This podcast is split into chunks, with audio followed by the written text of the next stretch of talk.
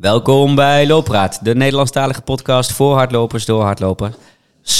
Mijn naam is Anton Jan Thijssen en naast mij aan zijn keukentafel José Vicente Riqueno Maats. Ah, wat zei je nou? Riqueno, zei Ja, ik. hè? ja. Goeiedag, Deel. ja. Doe maar gewoon José. Vicente. José. Hallo, hallo, hallo. Goeiedag, Deel. Goeiedag, Deel. En Ja, gelukkig nieuwjaar voor jou en voor alle luisteraars. Ja, gelukkig nieuwjaar. Dat mag nog wel, toch? Op eh, op eh, vandaag, 11, 12. Ik dacht dat 13. je zei van al en 13. hartelijk gefeliciteerd. Eh, ook dat nog, want je was jarig. Nee. Ja, je, je bent 60 geworden, zoals ik op Jongen, de jongen, Instagram nou. gezet had. Nee, sorry, 54. 54. Van eh, harte. Ja, ja ik Ja. moest hem even recht trekken nog op eh, mijn Insta. want- 54 is Ja. eh 2 keer 28. Ja, 5 Oh nee, dat is niet waar. nee, dat is, zo begint het meestal. 5 plus 4 is 9. En dat is een, eh, een 3 in het kwadraat. Dus eh, dat is toch wel weer mijn nummer. De, de heilige drie-eenheid. Ja. Hoe Ja. gaat het? Goed. Ben je het jaar goed begonnen? Of heb je het jaar goed afgesloten? Ja, Eigenlijk vooral. nou, twee dingen. Of, ehm, ja, twee dingen. Ik ben nog steeds helemaal onder de indruk. Want ik was gisteren bij Herman. En dan zeg jij, Herman wie? Dan zag ik Herman van Veen. Hij Ja. had zo'n 600 eh, eh, optreden in het carré. En eh, ja, ik- omdat ik jarig was en eh, mijn lief eh, de dag daarna... heb ik haar en mezelf getrakteerd om een mooie logebok nummer 11, eh, nummer 1 en 2. Dus precies Ja. voor Herman eigenlijk te reserveren. En de rode loper, die, die rolde al uit. En uiteindelijk kwamen daar 600 ballonnen op het podium. En ja, hij was Ik heb eh, traan gelaten. ik heb gelachen om hem. Ik, ik heb me verbaasd. eh, ik heb leuke momenten meegemaakt. En ja, weet je, dat soort momenten maak je ook gelukkig. Hey, en eh, je bent over de rode loper gegaan, maar eh, Ja. qua lopen nog andere dingen? Ja, eh, Nou, lopen is altijd heel belangrijk in mijn leven. En Ja, dat is ja. het ook nog steeds. Ook goed als je geen goede momenten hebt. Jongens, ga gewoon lopen. Want de donkere maandag komt er weer aan. Blue Monday. Blue Monday. Ja. ja, dat is een verzinsel Maar- van marketeers. ja, natuurlijk. Dat is ook niet erg. Ehm, mijn afgelopen loopavontuur heeft alles te maken met de gas. Maar daar hebben we het later pas over. Ja, Ik heb mijn eerste cross sinds lange tijden weer gedaan. nu alweer. Ja, Ja. eh, Amsterdamse Bos. Boscross, eh, Ook een cliënt van mij, David, ik zei van, nou, moet je naartoe gaan? En ik ben helemaal niet in vorm. Dus ik dacht, ik ga zelf dan ook, als hè, dan moet je zo ook gaan natuurlijk. Het is acht kilometer door de blubber rennen eh, en het water komt tot mijn enkel of Water en was het ook al vorst? Nee, ja, dat kwam later pas, nee, Ja. de vorst kwam daarna, maar het was flink koud. ja. En dan heb je ook van die heilige vrienden nog eh, met hemdjes, singletjes. En eh, dan kijk ik even naar links. eh, Naar de gast, Hij is er ja. ook zo een. Ja. eh. maar ik, ik heb toch nog wel gekozen voor eh, lange mouwen. Wel korte broek, maar oh, oh, oh, koud en pittig. En was het leuk? Ja, uiteindelijk Ja, wel. Je hebt hem weer afgestreept. Ja. Ja. En, acht verder vooral veel aan het fietsen. Ja, warm, Toch? warm soepje en, eh en chocoladebak. Ja, ik ben eh, heel erg Ja. lekker aan het eh, fietsen. Wij hebben ook samen gefietst. Huh? Ja. Oh, oh ja, goede brug. Ja. Ja, wat vertel man. Ja. Want ik kijk weer Ja, de laatste aflevering die wij opnamen met z'n tweetjes was natuurlijk op 24 december. Nee, 23 december, toen Mhm. we de 23 kilometer van ehm, eh, de adventkalenderloop Klopt. gedaan hadden. En toen heb ik verteld van, goh, als ook die 24 goed gaat en ik Mhm. herstel een beetje oké, ga ik op 30 december een 100 kilometer lopen. Precies. Eh, dat bleek in de vorm te zijn van het Ajax-logo. Heel Dat was mijn, eh, mijn persoonlijke eerbetoon aan mijn voormalig baas Edwin En, van en Sar. even voor de Eh, duidelijkheid, dat logo had iemand gemaakt een keer twee, op Strava eh, ooit, is twee dat? Amsterdamse eh, eh, broers, eh, broeders die? Meijer, Meijer. Die, eh, die hebben dat eh, gemaakt. Die hadden dat van de zomer gefietst. En ik zag die voorbij komen van de zomer. En ik dacht, die ga ik lopen. Eh, dus zij hadden die 100 kilometer gefietst. En eh, ik heb van hen die route gekregen. En eh, ik ben daar met heel veel volle goede moed aan begonnen. S ochtends vroeg Om zes zes uur? Ja. Eh, mijn vrouw fietste gelukkig het eerste anderhalf uur mee. Mhm. Eh, en gedurende de dag stapten er af en toe wat mensen in. Jij zou het laatste deel eh, Ja. mee, eh, mee lopen of fietsen, afhankelijk Ah. van hoe je rug zou eh, voelen. Mhm. Maar eh, alsof het noodlot uh, uh, 80, of de, ik weet niet hoe je het ja. zegt, maar eh, ehm, ik ging het mis met mijn rug. Ja, Ehm, ik had natuurlijk al eerder al last gehad, ook in Muletaal van mijn ik, rug. eh, ik ken hem. ja, en jij kent hem. en ehm, ik kon op een gegeven moment niet eens meer wandelen. Dus na 87 kilometer... eh, heb ik je op bij de Albert Heijn? Ja, ik heb gezegd, ik ga never en nooit niet eh, nu stoppen. Mhm. Want dat logo moest af. Mooi, ja. Ehm, Dus de laatste 16 kilometer heb ik gefietst. Ja, dat was best Ja. leuk. Ja. Toch? Samen zo. Ook dat deed pijn trouwens. Eh. En koud vooral. Ja, Eh, ik kwam op delen die ik nog nooit had gezien. Ja, nee, het was, eh, het was super tof. En eh, ik had daarna had ik natuurlijk een, eh, een, een, een mooie Instagram en LinkedIn postje gemaakt. En enorm dat, veel dat op. ontplofte een beetje. Ja, my ik God, kreeg ja. tot en met interviewaanvragen toe, die ik allemaal wel vriendelijk voor bedankt heb. Maar Edwin zelf deelde het op zijn kanalen. Edwin alle, Sar ja, Edwin over. van der Sar, alle voetbalsites, Ajax-sites, podcast. Iedereen had het Oh, erover. dus het was Ja. wel even... Waarom sla je dan die interviews af? Eh, nou, allereerst omdat ik op vakantie was. Eh, Oh ja. En alle tweede omdat ik alles gezegd heb wat ik erover wil zeggen. Dit was mijn eerbetoon. En ik heb ook geschreven waarom dat eh, mijn eerbetoon was. En waarom lopen zo belangrijk voor me is. En waarom Mhm. gezondheid zo belangrijk is. Ja, wat moet ik dan nog meer zeggen dan Ja. dat? Ja. Vond je dat je zelf goed getraind was? Of had je zoiets van, oeh, dat Nee, ja, achteraf heeft die adventkalender natuurlijk wel er best wel een ingehakt. En ik denk wel dat dat... Er, ik had bijvoorbeeld de dag na die 100 kilometer of 87 plus 16 eh, geen enkele spierpijn. Mhm. in mijn benen. Dat kwam, Dat dat was was, je tempo wel denk ik wel Niet dankzij, dankzij de adventkalender Ja. en het tempo inderdaad. Ehm, maar iets meer rust vooraf was misschien wel verstandig geweest. Ja. Ik denk Ja. wel, want je vroeg het aan mij, ik denk wel dat je je voorbereiding eigenlijk ideaal is. Je zit je 11 keer 11 Ja, 11 keer en 11 daarna die advent. Ja. En ehm, qua volume had je meer gedaan dan toen je net voor de Lavredo ging Ja. lopen. Dus Ja. wat dat betreft eh, zat had je wel, wel goed. een kilootje of 5, 6 meer er, eh, wat ik mee moest slepen. Ja. Maar eh, nou ja, die is er inmiddels overigens alweer bijna af. maar je backpack was ook gevuld. En je kleren waren ook niet... Nee. Ik bedoel, hè, jouw motto is hoe heet hoe beter. Ja. Nou, qua kleren zat je wel ja, goed. ja. En dan ben ik lekker naar Dubai gegaan. en heb ik lekker in het hete... Het hete Want het ging- bruine kop hier ook, ongelooflijk. Ja, dat zien de luisteraars niet. Nee, ja, ik dus wel weer. Ja, Grappig. Ja. Heb je het leuk gehad in Dubai? heerlijk. Dus opgeladen. Klaar voor het nieuwe seizoen? Klaar voor het nieuwe seizoen. Ik heb nog Mhm. geen enkele plannen, maar daar hebben we ook een vraag over straks. Ja. Ehm, maar eh, ik, ik heb zo'n vermoeden dat de, de gast tegenover ons... Dus maak, eh, maak een mooi bruggetje. Die, jij- Ja. Jij gaat hem introduceren, want jij kent hem al, eh, Mhm. al lang. Eh, ik denk overigens dat veel luisteraars hem, eh, hem kennen. Sowieso qua naam.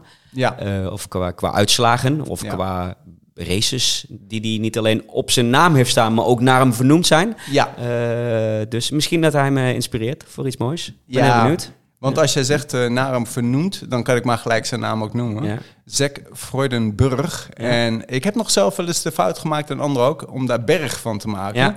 Maar de berg is wel eigenlijk wat hem bindt. Want eh, in de bergen is hij eigenlijk al master. Hij is de enige die ik ken, eh, die nog, maar dat zullen er vast wel meer zijn, waarna een cross is vernoemd ook. Die hij ook zelf natuurlijk ook meerdere malen heeft gewonnen. De Zack. Freudenburg De Zack cross. Freudenburg cross. Ja. En als je ook gaat Wikipedia, dan zie je nog wel meer over Zack. Ik kan wel heel lang doorgaan over zijn lijst. Deze man viel mij op eh, zo rond ook 2010, 13 of zo, toen jij hier ook aan het lopen was. En dan dacht ik, hè, eh, want hij loopt bij AV23, dacht ik, hè, wie is dan die man die daar zo klein en snel is? Eh, en dan zag ik zijn naam, wat doet een Amerikaan hier? In 2018 had ik het genoegen om hem te mogen behandelen en te begeleiden tijdens eh, de wereldkampioenschappen trailrunning, waar uh, Ragnar de Bats toen wereldkampioen werd. En ik heb eh, een uurtje of wat ook eh, na afloop eh, naast hem gezeten, omdat Zack helemaal door zat. En dat heeft me eigenlijk heel erg doen intrigeren van hey, wie is Zack? Hoe diep kan je wel niet gaan om zo lang te kunnen bijkomen? En ik heb super veel respect voor deze man. En ik ben ook heel trots dat hij bij ons is. Want Zack is een mega goede loper met heel veel mooie palmares op zijn, eh, op zijn naam. Ja, welkom, dank eh bij eh Looppraat. Ah, dank je. All the way from the United States of America. Maar we doen hem gewoon in het Nederlands, vandaag, hè? maar ja. ja. Ja, en beste wensen. Ja, beste Ja. wensen. Zeg, wij beginnen altijd met onze vraag. eh, Ja. Hoe is dat lopen eh, begonnen bij jou en wanneer? Eh, ja, vrij vroeg. Ik denk dat het was begonnen omdat mijn, eh, mijn vader en mijn moeder zijn verhuisd vanuit de Midwest in de VS naar de bergen in Montana. En toen was mijn vader begonnen met hardlopen, gewoon op de trails voor zichzelf.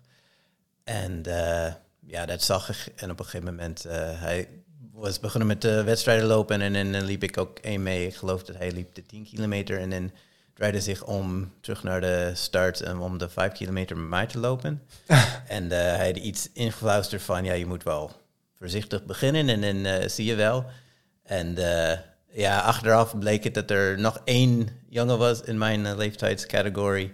En ik heb hem uh, op de laatste brug ingehaald omdat hij aan het wandelen was. Dus heb ik gelijk de les geleerd van ja, je moet wel goed doseren. En ja, ben ik niet gelijk allemaal gaan trainen of zo. Maar ja, daarmee was het begonnen. Hoe oud was je toen? Zes. Zes. ja. ja. Zes jaar oud. En, en dan win je je eerste loopje en meteen ook echt in een van de mooiste loopgebieden van de wereld. Toch? Ja. Tenminste, ik ben er nooit geweest, maar wat ik van anderen hoor. Dat vind ik zelf. Maar goed, ik ben heel erg uh, biased. Maar dat was uh, in de Flathead Valley in uh, Montana. Ik raad het aan om mensen daar, zo dichtbij Glacier Park. Yes. En vanaf dat moment, je zei niet meteen echt gaan trainen, maar wel altijd blijven lopen. Ja, ja. ja. Toen ik echt begonnen was met trainen, ik denk dan bij junior high, dat is dan de middelbare school ja. hier, uh, ben ik daarna nooit meer gestopt. En ik denk omdat hardlopen zo eenvoudig is. je hoeft, het, is, het is een van die sporten wat het meest dichtbij zo'n linear trend houdt. Dat als je gaat trainen, dan ga je vooruit. Ja. Veel dingen moet je echt heel veel trainen en dan ga je stapjes maken en dan wordt het leuker. Maar hardlopen is zo eenvoudig. Je hoeft de klein motoriek en dat allemaal niet te leren. Je, je gaat trainen en in de volgende dag ga je. Iedereen zou het moeten kunnen. Ja, precies. Je gaat iets harder of je gaat iets langer. Of uh, je, je ziet het heel direct, zeg maar. Mhm. Het betaalt zich uh, heel snel terug. Had je in Amerika een trainen? Uh, nou ja, in, ik, ik liep in junior high en in high school en in mm -hmm. college, voor Beloy College. En had ik altijd een trainer. Maar nooit een uh, persoonlijk uh, trainer. Nee. In de groep uh, trainen jullie toen. En want in die tijd liep je ook een steeplechase. Dat was ja, in college deed ik de steeplechase.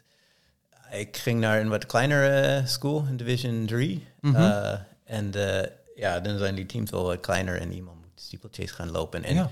ik vind uitdaging altijd wel leuk, maar mijn vorm op de steeple was helemaal niet goed. Nee? Ik kom er altijd moeizaam overheen en op de verkeerde been uit. Maar dat uh, weer doorzetten en uh, dat, ja, dat past wel goed bij mijn uh, lichaam. Mm -hmm. Dus ik was er redelijk goed in, zonder dat ik uh, goede techniek ja. had. En, en, eigenlijk is een steeplechase de, de, de, de, de trail en de boscross en de obstacle run af aan de letteren, toch? Ja, precies. ja. tenminste, dat zei Hans Koeleman ooit. Die Klopt, ook, ja. Olympisch kampioen. Uh, nee, nee, nee, Olympisch, pardon. finalist. ja, ja, ja. finalist LA. Ja, steeplechase. Maar 3000 meter in 9, 14, 82, zeg. dat is snel. Als je het snel omrekent, dat is drie minuut. Uh, nou jongens, help even mee. 14 gedeeld door 3. Uh, 303 ongeveer uh, per kilometer ja. op de stiepel. nou... Met een waterbakje en ja, een Dat, dat is al erbij. redelijk ja. snel. Ja, en als er een onderdeel is op de baan waar je moet goed indelen en doseren, is het de stiepel. Omdat ja. ben ik ook achtergekomen. Dat Zowel qua afstand als binnen elk rondje natuurlijk ook. Ja, ook, letterlijk ja, verdelen precies, en binnen elk rondje. goed omdat, uitkomen. en, uh, ja, als je echt een heel mooie tijd zit van de vijf kilometer en die nog twee ronden nog aan hebt en je bent helemaal op, dan hou je dat vol. Ja. De, loop je met vleugels, maar bij de stiepel moet je nog op Ga je gewoon op je bek. Ja, ja, ja, ja je gaat op je bek en dan uh, kan je een minuut verliezen uh, in 200 meter. Hey, hoe zag dat eruit voor jou? Want um, dan ben je dus op de baan. Um, train je dan ook in Montana of was het in St. Louis dat je uh, aan het trainen was? In de bergen? Ja, nou, ik, uh, mijn ouders waren naar Montana verhuisd, maar ja. dan ging ze uit elkaar. En dan heb ik min of meer vanaf mijn uh, zesde opgegroeid in uh, St. Louis en Montana ja. tegelijk. Ja. Dus zomers in Montana en af en toe voor. Is dan je specialisme de track, dus de baan? Of is dan eigenlijk het buiten nog steeds voor, voor jou het belangrijkst? Ja, daarbuiten. Ja. Dat uh, was in cross country. Dat was de optie voor ja. buiten de baan uh, rennen. had ik toen moeten kiezen tussen voetbal en cross country, omdat ze samen zijn. voetbal, voetbal, soccer of voetbal? Ja, voetbal, soccer, soccer. Ja, ja, ja, ja, niet Amerikaanse voetbal. Nee, heb ik nooit, nee. was ik nooit groot genoeg voor. Ja. Um, ja, en ja, het liefst in de bergen in Montana, maar goed. is, dat, is dat een mooie basis om, om op de baan te gebruiken? Um, ja, ik denk dat alle trainen eh, een mooie basis gaan zijn. Mhm. eh, zelfs cross-training en eh, Mhm. zo. Maar ja, goed, op de, op de banen moet je specifiek ri- richten op snelheid, Snel. en eh, Ja. echt eh, rondjes maken. Ja. En wanneer kwam ehm, eh, het besef dat, dat je hier wel talent voor had? Nou, ik Of, denk, of, of viel dat daar heel erg mee? Misschien is dat een, een persoonlijkheid, Ja, maar ik, ja. eh, ik denk eh, misschien vrij.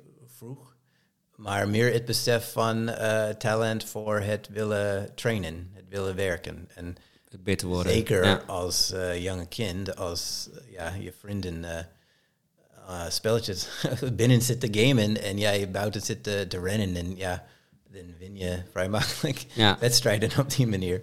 Ehm, en ja, dat, dat motiveert heel erg. Zoals, ik denk dat veel hardlopers hebben dat inzicht dat dat gewoon het zo eenvoudig is. En als je meer instopt, dan krijg je meer out. En eh, dat motiveert heel erg. Nog steeds? Ja, ja, als je op oudere Ja. leeftijd bent, Ja. dan moet je wel accepteren dat je lichaam minder aan kan. Ja. ja, dat accepteren wij natuurlijk niet. Ja. Als je 60 wordt of... eh, nou, jij bent iets jonger gelukkig. Maar, eh, Ja, Nou, ja, zeg- kijk, je lichaam zeg- geeft het wel, wel, meestal Ja. wel duidelijk aan. ja. Zeg je 45 op dit moment, toch? Ja. Eh, Ja. ja. dat is ook al een leeftijd waarvan je zegt van nou, nu gaan we terug. Maar ik zie nog niet echt een aftakeling bij jou of zo. eh. Ja, misschien bij die, die langer in de trails. Dat is Mhm. altijd eh, ook misschien waarom mijn kracht de trails was. Omdat dan is techniek veel minder belangrijk en snelheid veel minder belangrijk. Ja. Dus, Wat is belangrijker dan? eh, Dat is wel belangrijk? Conditie op de Conditie, trails. ja. En ook dat je er echt van geniet. Volgens mij heb je echt een voordeel als je door de modder en de regen en dat allemaal denkt van ja, ik ga daar gewoon van genieten, omdat iedereen moet meemaken. Als je de pest in krijgt, dan ja, wordt het alleen maar zwaarder van.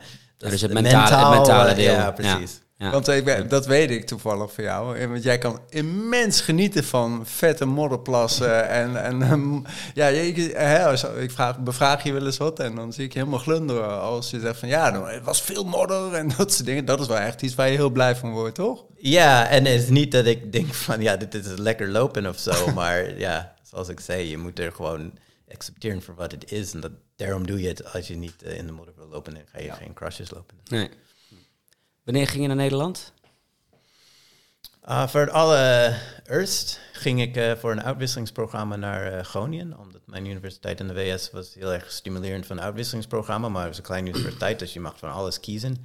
En er was toevallig een meisje daar eh, die een uitwisselingsprogramma met Beloit deed voor een jaar. En ik vond het wel leuk. En eh, dus ik heb besloten eh, in mijn derde jaar om hier voor zes maanden te komen. En studeren in Groningen.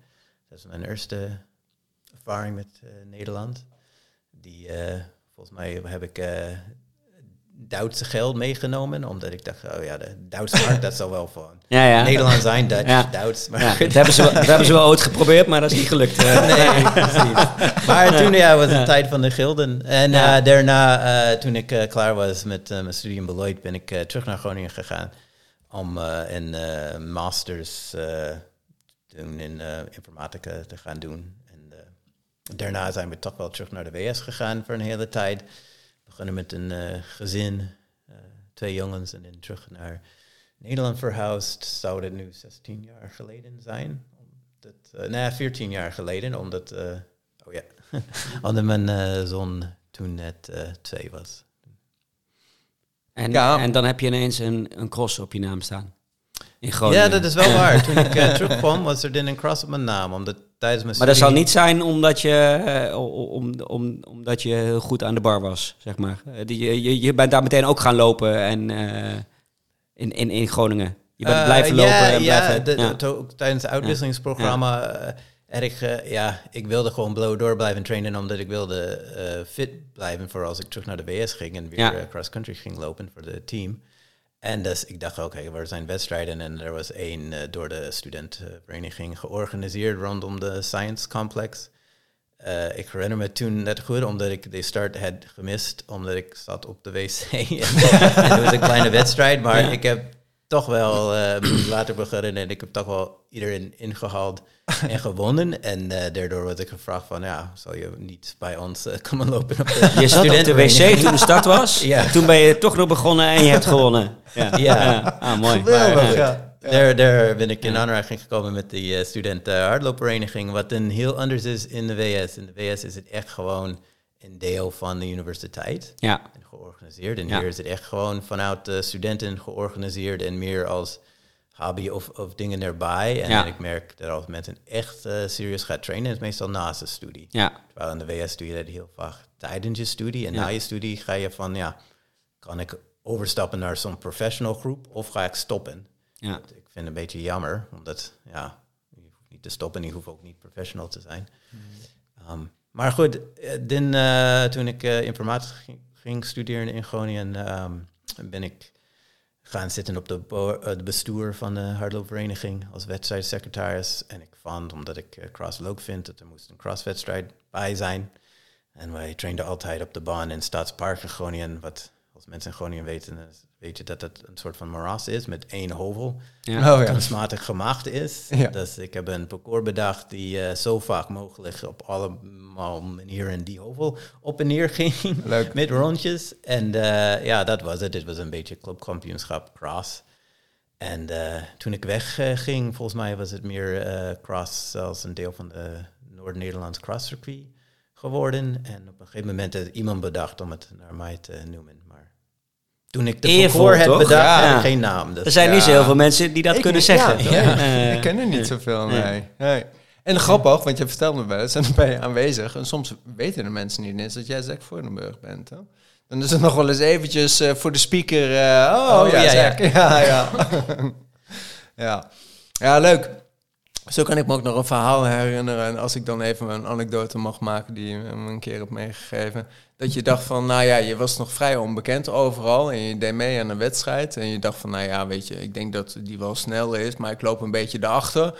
En toen kwam je er in één keer aanlopen. En eh, toen zei ze van, oh, wie is dat in één keer? Eh, toen zette je op en zette hem in één keer eh, heel brutaal ook voor. Waar was het ook alweer? Was ergens een... Weet ik niet precies. Ja, we weten het allebei niet meer precies. Nee. Dat krijg je als je ouder wordt. ja, eh. maar ik vond het een geweldig verhaal. Als je lekker als de underdog, want het, het, dat zie je jou wel een beetje. Als de underdog gewoon ergens aan eh, een wedstrijd begint en, eh, en hem gewoon overneemt en brutaal zegt: Jongens, ik ben eh, ik ga hem even winnen. Of ik loop de top 3 binnen. Maar zo, zo, zullen, we het, er even bij pakken, het palmares? Ja, jij, bedoel, jij hebt het allemaal in je schriftje staan, maar je weet het ongetwijfeld ook wel een beetje zo uit je hoofd. Maar ehm, het is vooral heel divers, valt mij op. Wat je, of het nou een cross is, of inderdaad een steeplechase, of een bergrace, of een, eh, of, of een eh, halve marathon of een marathon. Eh, w- wat is de bijzonderste? Oh, de bijzonderste... Nou, en dan met name wedstrijden? prestatie die op je... ehm, Nou ja, dat, eh, nou, de meeste wat bijbleeft natuurlijk is het world record met die eh, jogging stroller of Ja. prom, De buggy. volgens Ja. mij in Ja. het recordboek. Omdat dat het zo eh belevenis is, omdat je doet dat samen met je... Jij hebt een wereldrecord gelopen, har- eh, marathon hardlopen achter een buggy. Ja, Ja, we moeten meteen even één ding uit de wereld helpen. Want SC van Alphen vraagt, eh, zat er dan ook een baby in die buggy? ja, dat, Ja. ja, mijn, mijn zoon. Je mijn eigen eerste- kind. eerste zoon, Ja, hij was ja, toen elf maanden. Uh, en hij had al wel wat eh, ervaring eh, opgelopen in die, in die buggy. Omdat, eh, Die moet ook trainen, toch? Zoals veel kinderen had hij daarna ging om s'nachts niet te willen slapen. Maar als je even gaat lopen overdag, dan slaapt hij lekker. ja. Dus, en ja, als je, als je merkt, oh, ik kan wel best mijn kilometers gaan pagen met hem in de buggy. En hij kan het wel best een paar uur volhouden door te slapen. ja, waarom niet? En dan eigenlijk was ik er op het idee gekomen door eh, Michael Wardian. Hij is een min of meer bekende naam in de ultra circuit. Hij heeft volgens mij ook een keer in Winschoten eh, Mhm. gewonnen ja. en een Amerikaan. Maar goed, eh, bij de bergloopkampioenschap in, in de VS was, liep hij ook mee. En er was zo'n gasthuis voor mensen die van ver weg kwamen. En ik was samen in hetzelfde huis met hem en aan de tafel aan het ontbijten. En hij had het erover dat hij had toen de world eh met Dus er stond, er stond al een Ja, er was al een world ja. record. En hij, en, eh, en hij eh, liet merken dat... of, hoe zeg je dat? hij vertelde, dat, volgens mij was het niet heel erg bekend... dat zijn vrouw zwanger was met zijn tweede kind... en dat hij dat misschien wel wil gaan proberen te verbeteren. En ik, ik dan vertelde, oh ja, mijn eigenlijk vrouw is ook zwanger met onze eerste net. Eh, dus zijn ongeveer op dezelfde datum uitgeregend. en ik dacht, oh ja, misschien is er wel iets. En eh, het ging een beetje in mijn hoofd eh, blijven zitten. En dan, eh, op een gegeven moment liep ik toen met een groep uit St. Louis ehm, van 180 Energy Drink. was een probeerdsel ooit van Anheuser-Busch, grote bedrijf in Ja. St. Louis. Ja. Nooit echt een succes geworden, maar goed, ze hadden een loopgroep. Van AB InBev, toch? Van eh, Ja. de, de App, App InBev. Ja. Ja. En hij Bush, ja. Eh, en dan, ehm, eh, we gingen even zoeken van welke, welke, welke marathons kan dat. En eh, niet alle marathons wil dat aan, zeg maar. Nee, maar Kan een reguliere marathon waar je dan naar meedoet. Ja, ja, niet, ja, niet een marathon waar iedereen met een buggy op een rij staat. Ja, nee, het is Nee, regulier nee. marathon waar je aan meedoet. En Ja. er zit wel extra risico aan, vast en, en dingen. Ehm, maar dat valt allemaal mee als je een beetje met een eh, buggy gaat lopen. En het is niet gevaarlijk of zo. En vooral als je snel loopt ook, hè? Laten we even vooruitstellen. Je Ja. loopt daar gewoon rete hard, want je had... Ja, Ja. ik ga nog niks. Nee. En ik had ook wel ooit, volgens mij, eh, social media was niet zo groot toen, maar toch wel dingen binnengekregen via Facebook van, ah, is dat niet van de GeForce? heel... Ik dacht, ja, Ja, ik loop hard, maar, ik loop Ja. hard, maar Ja. ik loop niet sneller dan een auto. En hij zit Nee. wel eens in een autostoel. Dus eh, ik denk dat de GeForce wel meevalt. Maar goed, maar goed, ik wil hebben eh, dit, ehm, via de, dat loopgroep eh, en via contacts met de organisators hebben we de Route 66 Marathon gevonden. En toen hoorde Michael Wardian dat ik zal dat gaan proberen. En toen wilde hij dat opnieuw gaan doen. en ik had toen mijn grootste concurrent van college, die ook studeerde in St. Louis toevallig op die moment. En we waren een beetje hardloop vrienden geworden tegen die tijd. En ik zei van, ja, ga ik ook wel meelopen, maar het is under buggy. Dus in principe stonden we met z'n drieën bij de startlijn Ja. en hebben ze Oh ja? Oh, vanaf wauw. het begin Ja. en met een groep van drie de Ja. hele wedstrijd geleid. En ja, uiteindelijk was ik eerste en Michael Wardian tweede en mijn hardloopvriend derde. Maar dan zonder buggy. Ja, en in de tijd van Eh 2 uur 32. 2 uur 32 met een buggy. Mag, Dus, ik hem, eh, mag ja, ik hem ja. eventjes rectificeren? Eh, je- hij staat genoteerd op 2.31 eh 10. Oh. Ja. Oh, oké. Ja, mag dat? Ik had altijd Ja. in mijn hoofd 2 uur Nee hoor, 32. nee. omdat- mag gewoon trots nu zeggen 2.31, zeg. Maar Ja. eh, ik moet ook wel eh, toegeven dat het sinds dan verbeterd is. Ja, ik kon zeggen, Ja. staat het nog, maar niet dus. nee, niet dus. Nee. En ik was toevallig bij de, mij EK 50 kilometer of EK 50 kilometer Mhm. in Roemenië. Mhm. Was ik toevallig in hetzelfde vliegtuig eh, op de terugreis met eh, die man die dat eh, verbeterd had. eh, Ja. Die Canadees was volgens mij, die Mhm. eh, toen woonde in eh, Texas. Ja. Maar het was volgens mij echt met 10 seconden verbeterd. Ja, Dus heel het is niet mooi, een groot verschil, maar... Ja. Nog ambitie om het een keertje terug te pakken? Ik Als je, als je opa wordt, bijvoorbeeld. hè, eh. ik eh, ben er steeds over eh, gevraagd, maar ik vraag me af als ik die tijd nog zonder buggy. zou, zou je daar een baby voor kunnen leasen om de, zoiets te doen? Of, ja, nou, lenen van familie zou Ja. waarschijnlijk wel handig zijn. Ja, ik denk dat je wel moet gaan trainen met ja, die kinderen zo. Omdat, ja, ik, ik, dat, dat, ik denk misschien was het daardoor het makkelijkste marathon mentaal om te rennen. Ja, Omdat je gedachten zit er helemaal niet van hoe moe ben ik. Is van, ja, gaat hij nu eh grijzen? Wordt hij eh, wakker? is Ja, het wel ja. leuk? En eh, daarom, eigenlijk was het heel erg leuk met z'n tweeën. We hebben een groot deel van de marathon met z'n tweeën gelopen. Omdat we konden even gaan spieken van, uh, slaapt hij nog? Of Ja. slaapt hij? Dat is, eh, want de, de baby kijkt vooruit, neem ik aan, hè? In zo'n ja, de baby eh, kijkt vooruit. Ja. En ik heb toen echt een snelle stroller geleend van een vriend met de, grote drie wielen en ja, zo. Dus de weerstand van de buggy zelf is niet heel groot. Nee. En die hebben ook gewoon plek om waterflesjes neer te zetten. En dat allemaal. En Ja, gewoon een het is eigenlijk gewoon heel makkelijk dus. Eh, Ja, je zou iedereen aanraden om... eh, Ja, je moet even wennen om Ja. een beetje zonder armbeweging of met één armbeweging Ja, te oh, kunnen lopen. ja. Maar Ja. Dat is denk ik het, misschien nog wel het lastigste. ja je- maar ehm, Zijn er dan re- regels? Moet je per se twee handen aan de, voor een wereldrecord? Nee, hè? Je nee, mag- volgens, mij, nee. volgens mij niet. Je kan hem vooruit doen, en, in- maar goed, Ja, dat en dan is niet het Ja. veiligste. Nee. Maar meestal van de loopbuggies heb je toch wel zo'n ding aan je post dat als jij valt Ja, oh ja. en het dat hij dan niet achterover door... eh, valt en ja. niet voorover valt, dat Ja. soort van dingen. Maar. Zeg, je noemt nou gewoon de buggy en dat is natuurlijk ook fantastisch. Want als je daarover nadenken, 2.31 lopen, my god. Ja, je mag hier... eh, Nou, dan loop ik zonder buggy ook niet, hoor. Maar je hebt een fantastisch shirt aan van de Pikes Peaks, uh, waar je derde werd, geloof ik, hè? 2006 zei je net. Lijkt mij ook fantastisch om trots op te zijn. Maar hoe trots ben je op je marathon uh, debuut van Boston? Want dat deed jij het ook fantastisch, toch? Uh, ja. En dat is wat bekender bij onze luisteraars misschien. Uh, ja, en het... Um, dat was ook gewoon de groep in St. Louis. en er waren echt heel goede marathonlopers in St. In St. Louis. En ze liepen elke weekend zo'n training die altijd een beetje als wedstrijd uitliep. Dus het was wel heel goede, zware training voor de marathon. En met een groep van die mensen ging ik uh, inschrijven voor Boston. We hadden ook iemand van die groep die inmiddels naar Boston was verhuisd, dus we konden daar slapen.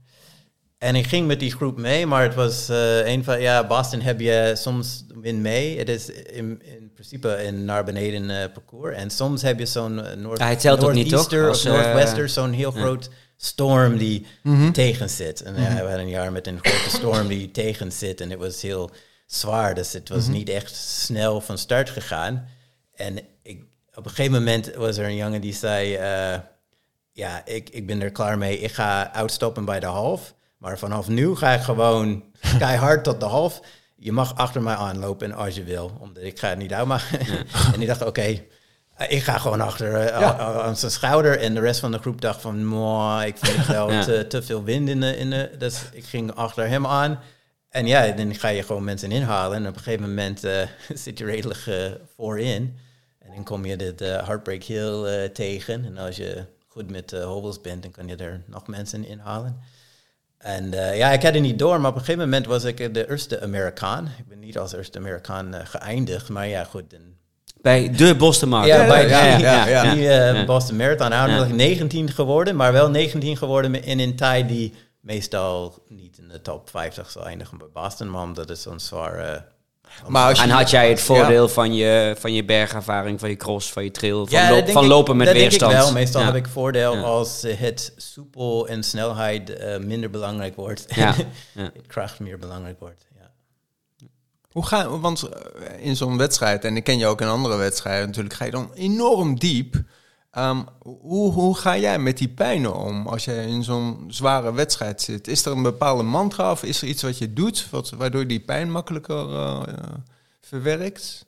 Met, ongetwijfeld doet het jou ook pijn, toch? Ja, het, het, hangt een beetje af van hoe je het ervaart. Uh, omdat vaak is het heel... Ja, ja, ja weet, jullie weten ook allemaal mm -hmm. van ultras en zo. Het is soms heel moeilijk om te ondergronden wat precies pijn doet ja. of zo. Maar het is wel een beetje lijden. Maar goed, uh, mm. ja, het is, uh, ik denk je motivatie en als je, hoe je dat ervaart. Als je ervaart van het reden waarom je het doet. En mm geniet ervan en je wil kijken hoe diep je wil gaan. Ik heb wel in het begin van hardlopen altijd het, het is een mentale iets. Dus je kan altijd harder en langer. Mm -hmm. Maar goed, op een gegeven moment heb je wel door, ja, er zit wel grenzen aan. Ja. en, um, maar ja, en uh, ik denk dat het helpt. Ik heb vrij snel doorgegaan met hardlopen. Dat je hebt niet altijd zin om te gaan trainen. Mm -hmm. Maar ik heb tot no nu toe nooit spijt gehad dat ik gelopen heb. Ja, mooi. En ja. Uh, ook nooit spijt gehad dat ik die wedstrijd uitgelopen heb. Mm -hmm. uh, zelfs als het helemaal niet goed ging. Want dat dus, wil je altijd wel, hè? Uitlopen. Uitstappen is niet echt jouw motto. Ja, precies. Ik ben volgens mij bij een marathon één keer uitgestopt. Mm. Bij de US Olympic Trials, omdat die marathon gaat. Toen voor mij ging het alleen maar aan de tijd, omdat de top 3 was niet haalbaar. Olympic Trials. Ja, en dan uh, loop je rondjes van Central Park in New York. En uh, op een gegeven moment heb je door dat gaat nooit echt een goede tijd worden. Mm. Uh, en heeft het, dat was de enige waar ik ben uitgestopt. ook omdat je om de 20 minuten langs dezelfde plek komt. En, het makkelijker ja. en wordt, wordt het dan nu makkelijker voor je als je nu ouder bent om die pijnen te herkennen? Hoe, hoe uh, kan je dan voor jezelf zeggen van nou, als ik nu in een wedstrijd zit en ik voel die pijn en ik oh, dit is een pijntje, die herken ik al? Of hoe, hoe, hoe werkt dat dan voor jou? Ja, dat vraagt me ook af, omdat ik denk dat die ultras en de trails is iets wat je langer kan volhouden als je ja. ouder bent. Mm -hmm. Dus er moet wel een mentaal component aan zijn. Toch? Maar misschien is het ook gewoon door je, je lichaam is minder sensitief van al die dingen. Heb je niet door dat je al een stuk eh, loopt. Ja. en eh, ja, en dan, je, je hebt een hele, hele leven. Dus je bent, eh, ja, ik denk als je ouder bent, eh, vind je niet erg om eh, over dingen moeten nadenken voor een hele tijd. En als je jong bent, dan eh, wil je actief eh, gestimuleerd worden. Ja. En eh, ben je heel snel eh, met je gedachten eh, dat je verveelt. En Ja. als je ouder wordt, dan heb je dat verveling niet. En dat eh, helpt volgens mij. Want je, je zei eh, Olympic Trials, dus dat betekende dat je toen echt wel ook op, op, op hoog niveau... eh, Ja, dat was een beetje Ja, doordat eh, Boston, eh je hebt een E-limiet en een B-limiet. En Ja. ja. ja, als je snel genoeg een marathon hebt eh, gelopen. En eh, bij Boston was mijn doel inderdaad eh, de B-limiet van eh 2 uur 22.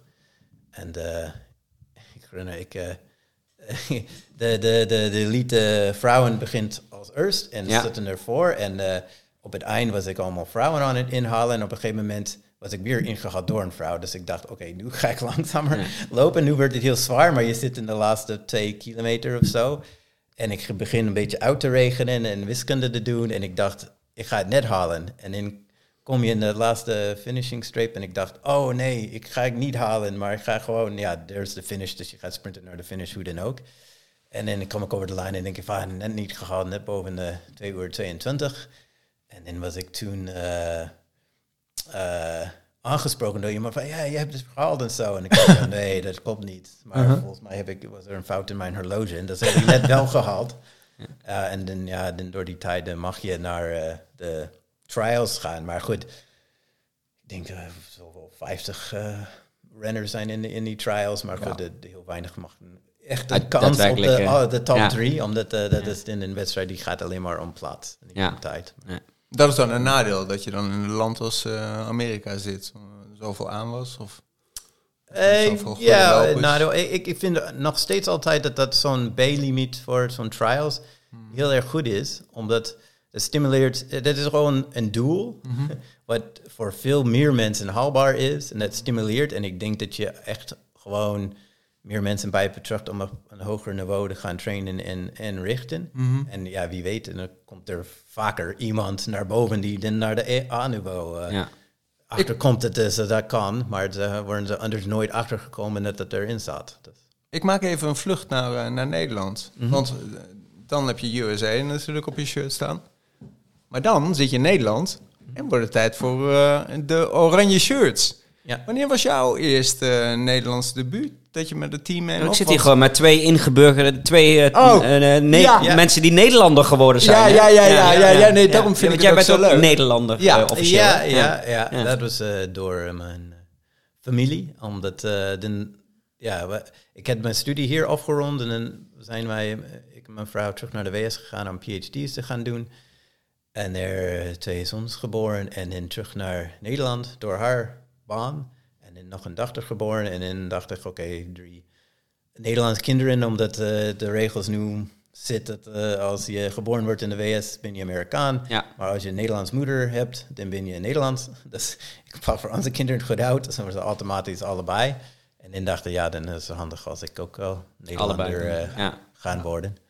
Dus, uh, ben je de Amerikaanse dan kwijt of heb je die nog net zoals ik? Nee, je hoeft er niet op te, op te nee, zeggen. Dus ja. in principe, als je in de VS bent, dan heb je een Amerikaans paspoort. We en twee. als je hier bent. Ja. Ja. En zo, maar zo zijn we ook wel een beetje, toch? Ja. ja. Um, dan loop je in Nederland. Wie heeft jou opgemerkt? hey, deze gast moeten we in de gaten houden. Die gaan we binnen, binnen de vereniging uh, contracteren. Weet je nog um, hoe dat ging? Ik weet niet als iemand mij heeft opgemerkt. Volgens mij ben zo? ik gewoon aangesloten bij AW23. Dat klopt. Dat het ja. uh, heel dichtbij ja. ons huis ja. ligt. En Weer uit luxe dus. Eigenlijk wel later achterkomen in een heel goede vereniging met een mooie geschiedenis. Ja. Die net uh, 100 jaar oud is geworden. Precies, ja. Dus daarom heb ik die boek brug. over de geschiedenis van uh, ja. gelezen. Ja, uh, maar goed, er was een uh, goede groep daar. Oh ja, en ik ben bij die groep terechtgekomen door, ik, volgens mij die cross waar je het over had. Ja.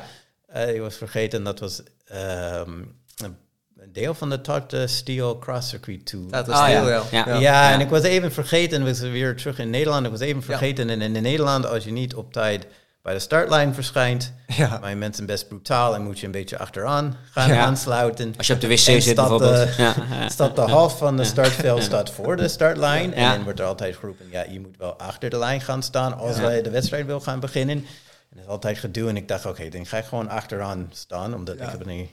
En Ja. daardoor was ik een beetje achteraan gaan staan en uiteindelijk eh, bij de kopgroep Ja. gekomen. En, eh, en ja, ook, je kan een, dat is wel een mooi van hardlopen. Het is op zekere zin heel competitief, maar best vriendelijk voor Ja. een competitive. Dus je praat gewoon met mensen. Ja. En eh, ja, dan eh praat een beetje tijdens de wedstrijd, maar dan na, vooral na de wedstrijd. En dan, en dan, eh, ja, dat, dat, volgens mij was een stuk of vier, vijf lopers van dat Ja, eh, groep. Bram was Ja. Van Bram Amstenaar, die een samen hele goede trainer. voeging is van drie verenigingen in Amsterdam om de middellange tot eh marathonlopers eh Ja. apart groep van Hadden we een vraag over Toplopers. inderdaad, over de, de Bramsterdammers. Eh, Ja. eh, even kijken, die pak ik er even heel snel bij hoor. Want nu, Ja, Bram was er, niet die trainer dus meerdere... eh, Ernst, Ernst junior gevraagd, wat vond hij van zijn tijd bij de Bramsterdammers? Wat is, de, is dat de Brabantse Amsterdammers? Of is Nee. dat, eh, nee, dat is echt voor Bram ja, Wassenaar. Bram eh, Wassenaar. Ah, check. ja, Amsterdam, ja, en hij was een bekende, echt een bekende naam, maar ook gewoon lid van AW23. ja.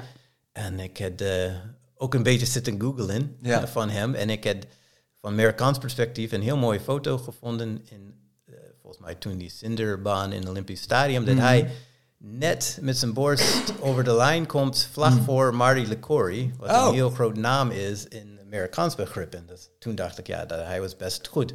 Ja. Als je voor Marty LeCory in een Ja. 800 meter eindigt, dan word je best goed. Ja. Ehm, ja, en dat was toch gewoon mooie, eh, mooie groep. Van, Hoe, wa- hoe was Bram voor jou als trainer? Oh, hij was altijd een mooie, eh, grappige eh, trainer die heel veel plezier uitstraalt. Omdat Ja. ja. ja, toen ik met hem trainde was hij behoorlijk op eh, leeftijd. Maar Mhm. in de regen, in de kou, staat hij er altijd heel vrouwelijk eh, bij. Ja. En ehm, het was wel voor mij van Amerikaans perspectief eh, even wennen dat het best rustige training waren. Mhm. Niet heel veel... ehm, Qua intensiteit. bedoel, eh, of ja, soms ja, wel ja, intens, ja. maar niet altijd intens, maar Ja. ook niet heel veel. Maar goed, ik wist inmiddels dat hij heeft ook namen getraind zoals Kamil Massa. Dus Ja. ik dacht, ja, hij weet hoe, hoe het werkt. Ja. En dan heb ik een beetje geleerd, eh, maar dat is misschien ook goed op de leeftijd die ik toen was, om echt de baantraining als scherpte van snelheid en niet Mhm. als grenzen doorbreken, zeg Nee. maar. Ja. Dat eh, kan je met lange eh, tempo's gaan doen, maar Ja. de baantraining wil je eigenlijk best fris vanaf komen. Mhm. En, eh, en als je het goed doet, dan loop je een nou, tot twee kilometer uit en dan ben je helemaal op naar zo'n baan. Omdat je voelt het niet, maar je, je gaat heel snel en dan je stopt en je herstelt en gaat heel snel. Mhm. En dan met een beetje uitlopen moet je eigenlijk voelen van nu ben ik op, maar nu ik stop, eh, morgen is er niks aan de hand. Mhm. Kun je weer door. Ja. En eh, in de WS was de baantraining altijd waar je gewoon je helemaal stuk loopt en grenzen verlegt. ja. En dus, eh, En de ja. volgende dag niet rent. En bij, bij Bram ja, was of dat ook wel. gewoon een...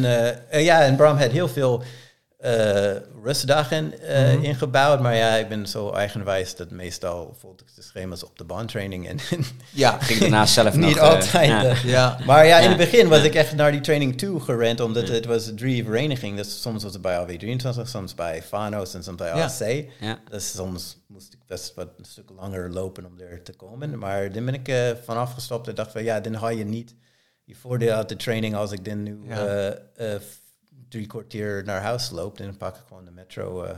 Ja. En hier geef je dus eigenlijk al een heel eh, fantastisch voorbeeld hoe hoe allround specialist je eigenlijk bent. Want eh, ja, dan, met Bram ben je natuurlijk op de baan aan het rennen. En die heeft wel de, de marathon en een 10 misschien als specialisatie. Maar jij gaat gerust eh, met de boys voor het NK mee eh, voor EK, WK eh, lange afstanden. Ja. En sterker nog, ik heb jou natuurlijk met de trails eh, ontmoet, waar je de bergen natuurlijk eh, voor je hebt. Jeetje, we hebben ze allemaal gehad nu. Loopt hij op de baan, zit hij in de bergen en dan is hij met lange afstand eh, op het asfalt eh, te vinden. Altijd Ja. in oranje tenue. Maar Mooi. altijd eh, hardlopend. Dat, Precies, ja. vrij eenvoudige sport. Ja, het, vrij eenvoudig, ja. ja. Mooi, bruggetje, José. Dank je. Daar nou ook een vraag. We gaan even een klein blokje vragen doen. Eh Raymond, underscore VL, ook eh, vaste vragensteller. Die, eh, die vraagt, welk onderdeel van het lopen heb je de meeste, meeste uitdaging voor jezelf? Cross, trail of weg? Of baan, zeggen we er dan maar even bij. Ja, ook nog. Ik denk dat ze allemaal anders zijn. Daarom doe je het. Ik, eh, ik zeg altijd, mentaal vind ik eh, een bergmarathon een stuk makkelijker dan een wegmarathon. Omdat de, moeilijkheid van de wegmarathon vind ik altijd, en als je dat gaat doen, ervaar je dat ook, dat het heel erg dezelfde is de hele tijd. Dus je moet beginnen op een tempo die echt tegen de grens aan zit, maar niet erover. En dan ben je de hele tijd aan het afwachten, aan het afwachten, aan het afwachten. En denk je van, oké, daar is de finish, nu ga ik ervoor. Maar meestal dan ben je al over de grens. Bij zo'n 10 kilometer denk je, daar is de finish, daar ga ik voor. Runners high allemaal Ja. en een wegmarathon. Maar bij zo'n bergmarathon kan je helemaal stuk zijn in de eerste 5 kilometer, zo'n klim en zo. Maar dan over 10 kilometer later voel je Pak je helemaal weer terug. eh, Ja. ja. is, het is heel erg afwisselend, maar dat heeft ook te maken met de belasting op je benen is heel erg afwisselend. Ja, En benen, dan wijs je naar je quadriceps. je Voorkant, bovenbenen. achterkant. Ja, maar eh, gewoon alles. ja. En ook op de Ja. trails, dat je hebt veel meer van de kleine spieren die je moet eh, gebruiken en belasten. En op de weg, als je een goede loopvorm hebt, zo, dus gewoon elke stap hetzelfde belasting, min of meer. En dat telt gewoon op. En Ja. dat, eh, dat, dat, dat- daarom is de marathon. Ik heb ook van, heb gelezen een interview van Haile Gebrselassie toen hij Oh ja, eerst de world record probeerde in Berlijn. Dat hij eigenlijk heel goed voelde en net eh, tussen de, de 30 en de 35 te, te, te snel was gegaan. Oh ja. En daardoor miste hij de world record. En dan Ja. de volgende keer ging hij iets meer in. Maar dat is echt gewoon lang vooruitdenken en Ja. echt tegen de grens. Terwijl in de, in de bergen is veel meer echt opgevoel. En, ehm, dus ze hebben allebei zijn eh, uitdagingen. Bij- ja, bij- en in zo'n cross is het dan anders. Omdat in principe bij zo'n cross loop je nooit soepel. Mhm. Maar het is kort, dus je Ja. kan wel vooruit gaan. En op de baan loop je soepel en het is kort. Dus je gaat gewoon echt eh, op snelheid en tijd richten. Maar ben je dan veel aan het rekenen? Even nog een hele korte vraag. Ben Ja, je dat dan vraagt veel aan- Irene eigenlijk ook. Oh. Irene vraagt, wat is, je, wat is je strategie op de cross? Ja, ben je Ja. dan veel aan het rekenen? eh, het auto met tijden? Oh, hmm. Ehm, zeker bij een cross is het goed als je de parcours goed kent. Dan kan je iets meer een strategy hebben en je eigen sterktes ken, Ja. zeg maar. Ja, Ehm, ja, en dan probeer je bij een cross kan je veel meer eh, winst pakken door eigenlijk gewoon op een bepaald stuk wat sneller te gaan die je iets beter ligt bijvoorbeeld op de baan. Dan moet Ja. je echt gewoon. doseren. Ja, Ja, precies. Is je Eh, strategie naar beneden snel gaan? Eigenlijk niet. Eh, maar ehm, ik denk dat er veel meer winst is eh, naar beneden snel gaan. Omdat als je heel hard omhoog gaat, dan ga je iets sneller dan je tegenstander, maar niet veel sneller. En dan ben je stuk. Dus mijn strategie was altijd, eh, omdat je sterker bent omhoog, om wel gewoon de tempo omhoog te voeren met mensen pijn. Maar zorgen dat je net voor de top, over de top heen, dat je echt gewoon snel de afdaling begint. Meteen een Ja, stukje afstand is pakt. het, eh, ja. echt op de top is het moment waar iedereen zegt van, haha, nu zijn we er, nu gaan Ja, wij. bam, daar ben en je dan vandoor. als je al Ja. een tijdje naar beneden loopt, dan denk je van, oké, nu ga ik hard. Maar Ja. als je dat eerste stuk naar beneden hard gaat, dan heb je al de gat eh, Ja. geslagen. Dus Ah, dat is... slim. En ook mentaal. Hè, bij je, Ja, ja. eh, eh, ja. Ah, mooi. Ja. Pak even door hoor met de vragen. Ehm Hubert Krijns zegt sowieso, vraag even naar zijn snelste marathon met de, met de baby in de buggy, maar die hadden we al gehad. Maar hij eh, is ook benieuwd naar jouw ervaring met de hardloop vierdaagse AV Veluwe.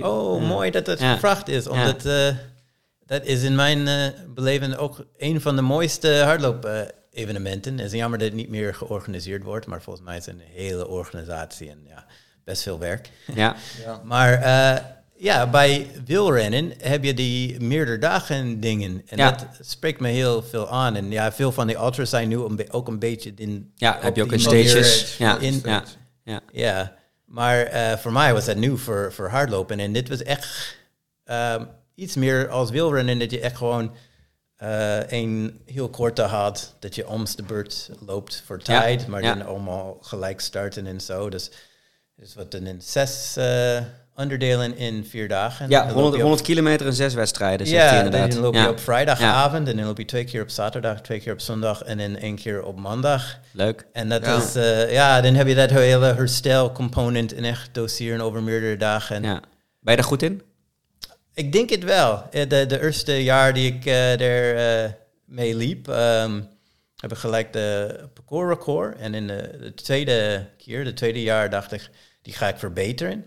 Maar ik was veel te snel in de eerste paar etappes. En dan valt het tegen. Ja. En ouderin liep, liep je dan langzamer. Ja. En in de laatste keer heb ik ja, niet tijd verloren, maar een beetje bewust eh, tijd verloren in de eerste etappes. Waardoor ik de tweede laatste, die ik wist dat het zwaarste was, die ga je om Katwijk heen door Ja. de Downen. En, en um, dan heb ik heel veel tijd kunnen weer winst maken. En dan zit je op het punt dat als je iets sneller gaat in de laatste etappe, dan pak je de eh parcours record.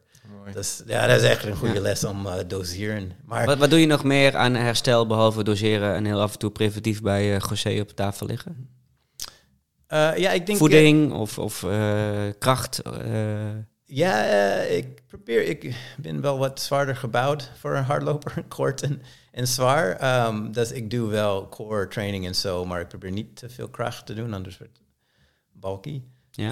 Ehm, maar ja, op de, op de fiets, maar gewoon allemaal, eh, ik denk gewoon actief. eh, Actief herstel, Dus ik denk ja.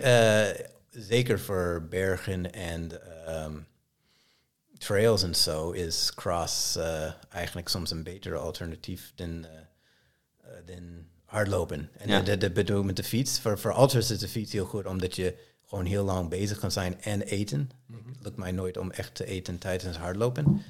Um, maar ook voor de trails en zo heb je underbelasting nodig. Dus ook gewoon echt eh, crossfit-achtig dingen kan wel heel goed. En samen met Liam je nog, Liam is een zoon, ben je nog wel eens even een, een stretch aan het doen, toch, eh, thuis? Eh, ja, ja, ja, hij is fanatiek eh, voetballer. Ja. En eh dus hij wil eens wel planks doen en allemaal eh TikTok-workouts wat hij heeft gezien. Dus eh, ik doe wel soms mee. En dan eh, heb je de volgende dag spierpijn in plekken waar je denkt van, ja, ja. oké. Wist niet dat ik daar een spier had. Niet zo goed lopen tijdens, eh, of niet zo goed kunnen eten tijdens het lopen, zeg je. Dan ben ik wel even benieuwd naar je antwoord op de volgende vraag van Wim Nieuwenhuizen, zelf ook eh benadigd eh, ultraloper. Eh, zien we Zek ooit nog eens op trails meer dan 60 kilometer?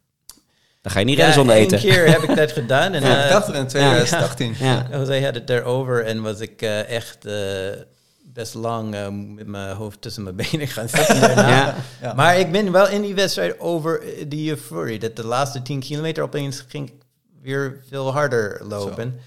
Ehm, Ja, ik heb wel eens wat langer dingen gedaan in, in, het, in het trainen. Ehm, maar niet heel lang wedstrijden. Omdat eigenlijk van de bergen genieten de meeste van hard omhoog en zo. En de enige reden waarom ik eh, steeds langer ga lopen, omdat steeds van de mooiste trails zijn lang. Ja. Ja. Maar ik vind eigenlijk 15 tot 20 kilometer eigenlijk heel mooi voor een trail en Ja. een berg. Ja. Dus, Dus zullen we eh, langer dan 60 kilometer nog ergens gaan zien? Of geen ambitie? ja, waarschijnlijk wel. Maar Ja. dat is ook qua tijd en training en Daarom. planning zo eh best. eh, Ja. Pak even door hoor. Ik moet even scrollen, het lukt me niet. Eh, eh, natuurlijk, David Klein. eh, vriend van de show, vraagt vaste vraagsteller.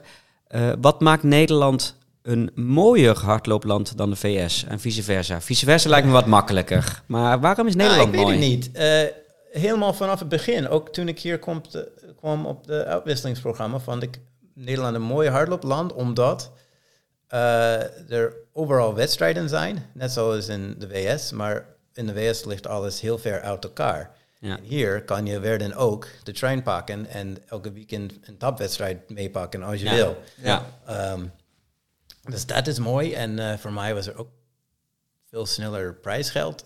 Ja. als jonge loper Ja, ja. ook in Noord-Nederland. En als je toevallig in Noord-Nederland woont, dan meestal was er een ander prijspot voor. Dan, eh, maar ja, er zit heel eh, vaak echt een groep van echte toppers uit Afrika bij. Dus Ja. de, de niveau van heel kleine wedstrijden kan best hoog liggen. En in de VS, dan moet je een hele tijd reizen en dan kom je op heel goede wedstrijden, maar dan zitten er 200 mensen op een heel hoog niveau. Ja. En dus, eh, dus in die zin vind ik wel een goede hardloopland. En ja, ik hou van eh, bergen en hovels, maar als je er niet van houdt, dan is Nederland, Dan is Nederland Ja, eh, perfect. perfect. En Ja. je kan Ja. de hele jaar doorlopen als je ja, tegen de wind en regen kan. Ja. Nou, dat kun jij. Want, want ik, ik, iemand heeft het hier ook over dat hij zich vooral herinnert hoe jij bij de Amsterdamse Bos NK lang uit in de modder ging. Dat is Ja. verder geen vraag, maar vooral Ja. even een shout-out van, eh, van Ernst. Ehm, we hebben ook nog een vraag van Mark Wening, jou wel bekend. Ehm, voor hoeveel procent loop je races met je hart en voor hoeveel procent met je hoofd? Ehm, moeilijk te rekenen in percentages, maar Ja, ik denk je maar- probeert wel ja. de hele tijd eh, geleden. te regenen met je hoofd, maar uiteindelijk doe je het wel met je, met je hart of je gevoel. eh dan. Maar ja, je probeert het eh, een plan door te bedenken en eh, uit te regelen met je hoofd. Ehm, maar ja, goed, je moet eh, je moet- voor je gevoel. Maar ik denk dat er bijna alle sports, op een gegeven moment doe je het met je gevoel. Ja, En daardoor, en dat is een daardoor combinatie doe je van al je die training, zodat Ja. je de gevoel wel, eh, dat je hebt een gevoel, echt een gevoel voor je plan dat Ja. je hebt bedacht. Mark weet ook nog te melden ehm, dat bij eh, een van de eerste koning van Spanjes, die natuurlijk door, volgens mij door Mark eh, natuurlijk georganiseerd, Zeker, met georganiseerd worden, eh, dat jij een legendarische quote had eh, toen jij in koppositie verdwaalde. En dat jij eh, blijkbaar hebt gezegd, de pijlen waren op. Eh, jij verdwaalt eh, wel eens bij een trail. ja, dat is ook een groot verschil volgens mij tussen de VS en Nederland. Ja. In de VS heb je een groot stuk wild in bos en Ja. er is één trail. ja, En als je daarop blijft, dan zit je goed. Dan, in Nederland dan heb je ja, meer trails dan kilometers bos meestal. Dus dan heb je Ja. om de 100 meter een crosspunt met zes opties. ja, En moet je wel de, de goede kiezen. ja, dat, eh, En ehm, vooral als je op GPS loopt, als je stopt en kijkt, dan gaat het goed. Maar in een wedstrijd wil je niet stoppen en nee, kijken. nee. Eh, ja, en het is, ik denk dat het heel lastig is om eh, een parcours uit te, te markeren in Nederland. Dat, eh, ik wil medelijden met de wedstrijdorganisators. dat je dan heel snel eh, toch op het parcours zit, maar op de verkeerde stuk parcours. Ja. Zeg maar je kan een hele stuk toevoegen of afsnijden zonder dat je het echt door hebt. Heb je wel gewonnen toen nog? Die, die keer waar Mark over refereert? Of heb je de Koning van Spanje nooit gewonnen bij dat, jou dat weten? weet ik Ja, niet, omdat dat kan refereren naar volgens mij een stuk of drie, vier keren bij Koning van Spanje. De eerste keer die ik liep, ik liep, ehm ah, ik ben de naam kwijt, samen met een, eh, iemand uit Limburg, een soort van legende is in Limburg. En wij liepen allebei verkeerd en dan hebben wij een beetje besloten om dan samen eh, uit te lopen. Ja. Maar eh, ja, dan weet je hoe dat gaat. Je, je loopt samen uit, maar toch wel wil Op je het einde beetje- wil je ja. toch winnen. Ja. Maar Ja. ja, eh, dus daar had ik gewonnen, maar andere keer ben ik verkeerd gelopen en eh, ja, toch niet gewonnen. Ja, maar dat is altijd wel een, een leuke remark waar als mijn mondhoeken omhoog gaan. Als, eh, als ik zeg, eh Zek, hoe ging het? eh, je bent niet verdwaald, toch? Ja. Ja. Ja, want dan zeg ik, oh Zek, kom op. Van tevoren wel goed opletten waar de peeltjes staan ook. Hè? Want Ja. de school is het nog erger, want daar loop je ook altijd eh, met mutswet eh, de, de trails. Goed uit school. Ja, daar, nou niet goed Oh uit nee, school, de nee. trails. Ja. Eh, daar is het een weer. waar- Ik heb wel eens gelopen. Als je daar gewoon denkt van, nou, ik ga toch links. En, en, en niemand, want het ligt niet altijd aan jou. Hè. Iemand zet het pijltje verkeerd, ja, en je lost. En vooral als je vooraan loopt, heb je altijd het probleem. Want wij lopen gewoon achter de meute aan. Maar Zek moet het gewoon even van tevoren Ja. zien. Van, Ja. is dat pijltje Ja. goed of niet? Ja. Nou ja, dan, dat is wel een hele uitdaging om op eh, het juiste spoor te blijven. Ik vind altijd wel heel, eh, heel knap, omdat je dan toch uiteindelijk weer eerste wordt of nog mensen moet inhalen. Ik liep op Muletaal, liep ik verkeerd. En ik liep niet vooraan, maar ik liep wel vooraan van een hele Ja. groep mensen. Ja. En iedereen ging brom braaf achter mij aan. Ja. Ja. dat is wel heel leuk. Ja, Ja, we dat ik allemaal ook eh, samen wel eens terug. gehad. Ja. Dat ik eh, liep in iedereen loopt braaf achter je aan en Ja. dan denk je van, ik zit verkeerd en dan draai je om en dan denk je, oh, hier komen Oh. 20 mensen. En dan Ja. ik allemaal Ja. van, Ja, maar die zijn door jullie jou kunnen best gevolgd. nu omdraaien, omdat het zit niet goed. Hey, we hebben bij Looppraat ook een aantal rubrieken. Ehm, en eh, twee gaan we even wat sneller eh, af, eh, afvinken. Ten, tenzij je daar met een heel lang antwoord komt. Maar de eentje is eh, het PHPD'tje. Een pijntje hier, pijntje daar. Heb je pijntjes?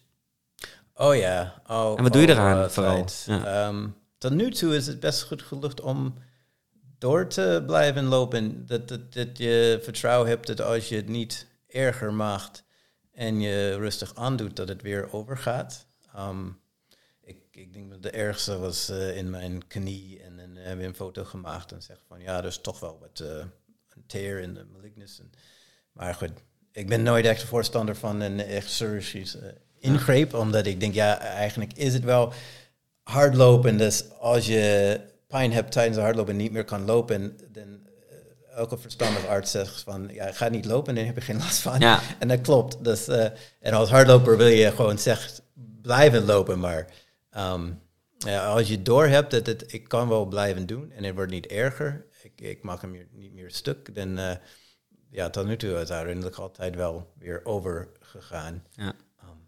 Ja, en, zeker op en dan je voornamelijkste pijntje zit dan vaak in je heup? Uh. Ja, de laatste tijd wel. Hoop in rug. Daar ben ik achter gekomen dat ik als ik uh, de hele dag ga staan achter het bureau in plaats van zitten, dat het heel erg uh, helpt.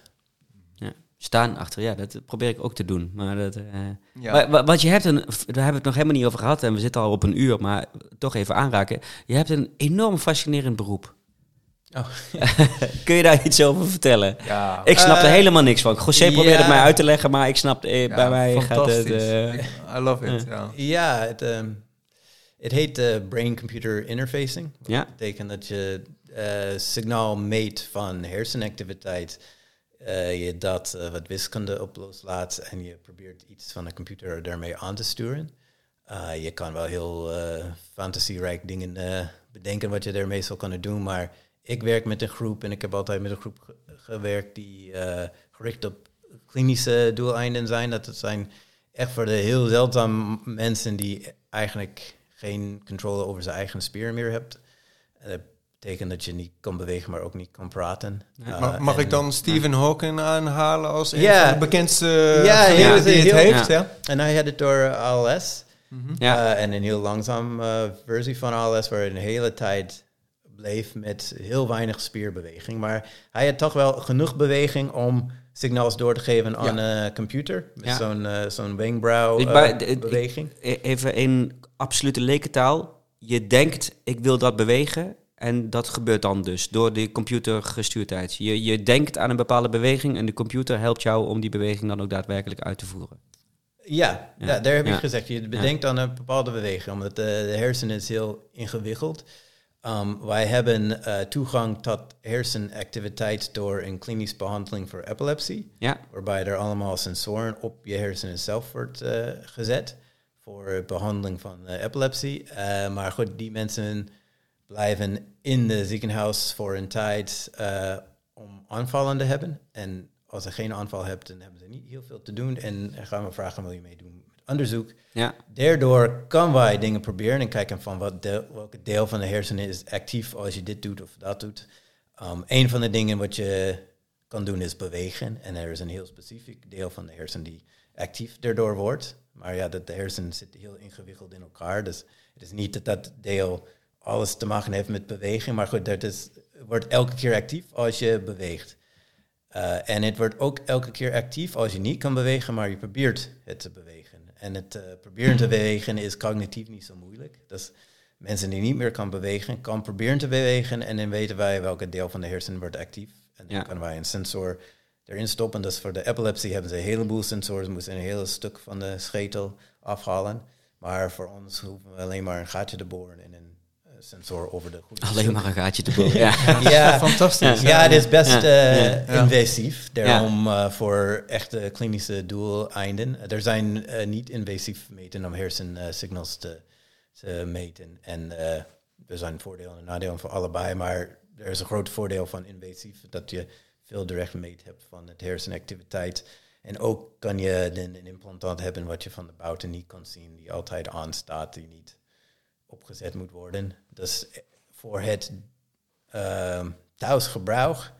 Uh, eigenlijk een beetje op dezelfde manier als Stephen Hawkins deed Mhm. met zo'n wenkbrauwbeweging. Ja. En dan uh, er is een sensor die merkt elke keer de wenkbrauw bereikt. En dan kan hij gewoon letters kiezen en dan kan hij echt gewoon meerdere boeken meeschrijven. Mhm. Door het heel lang. Maar goed, je kan ook proberen je wenkbrauw of je hand te bewegen en dan ook letters kiezen. Dus wij gebruiken hetzelfde hardware aperture als de assistive technology dat mensen als Stephen Hawking gebruiken, Mhm. maar dan echt gewoon dat, uh, we noemen een klik, dat Mhm. uh, detectie van... mooi dat je met je vingers doen. klikt. Ja, ja, ik hoor het ook. Dat, uh, dat klik, Ja. dan meten wij Ja. gelijk van uh, de hersenactiviteit, ja. En, en want eh, hey, je doet het postdoctoraal eh, bij het UNC in Utrecht Mhm. sinds 2010. Ehm, eh, eh, we weten het allemaal, ChatGPT. Het gaat nu als een speer. Dus eh, ik kan ook voorstellen dat het op jouw gebied ook nu heel snel gaat. Zijn, Ja. er, zijn, er, zijn er baanbrekende studies al op dit moment waarvan je zegt van, ah, ik mag het eigenlijk niet zeggen, maar... Eh, ja, eh, zeker. Er zijn heel veel proof of principle. Gewoon mensen die steeds... Er wordt meer gedaan met mensen die steeds meer beperkt zijn. Wij zijn de, de eerste groep in de UMC die een implantaat had. Mens, iemand die het echt nodig had thuis en heeft ook thuis eh, gebruikt. Maar het was heel eenvoudig. Dus er zijn ook andere groeps die veel meer doen dan alleen maar zo'n eh, klik doorgeven op Assistive technology. Ze willen gewoon spraak eh, decoderen en dat allemaal. En dat kan inderdaad met behulp met eh, betere implantaten, maar ook al de machine learning en zo. en ook ja. van de, de taalmodellen wat eh ChatGPT gebruikt. En Ja. kan je zeggen van, ik weet dat dit ongeveer dit is, maar ik loos het op met een taalmodel en je maakt er een mooie zin van.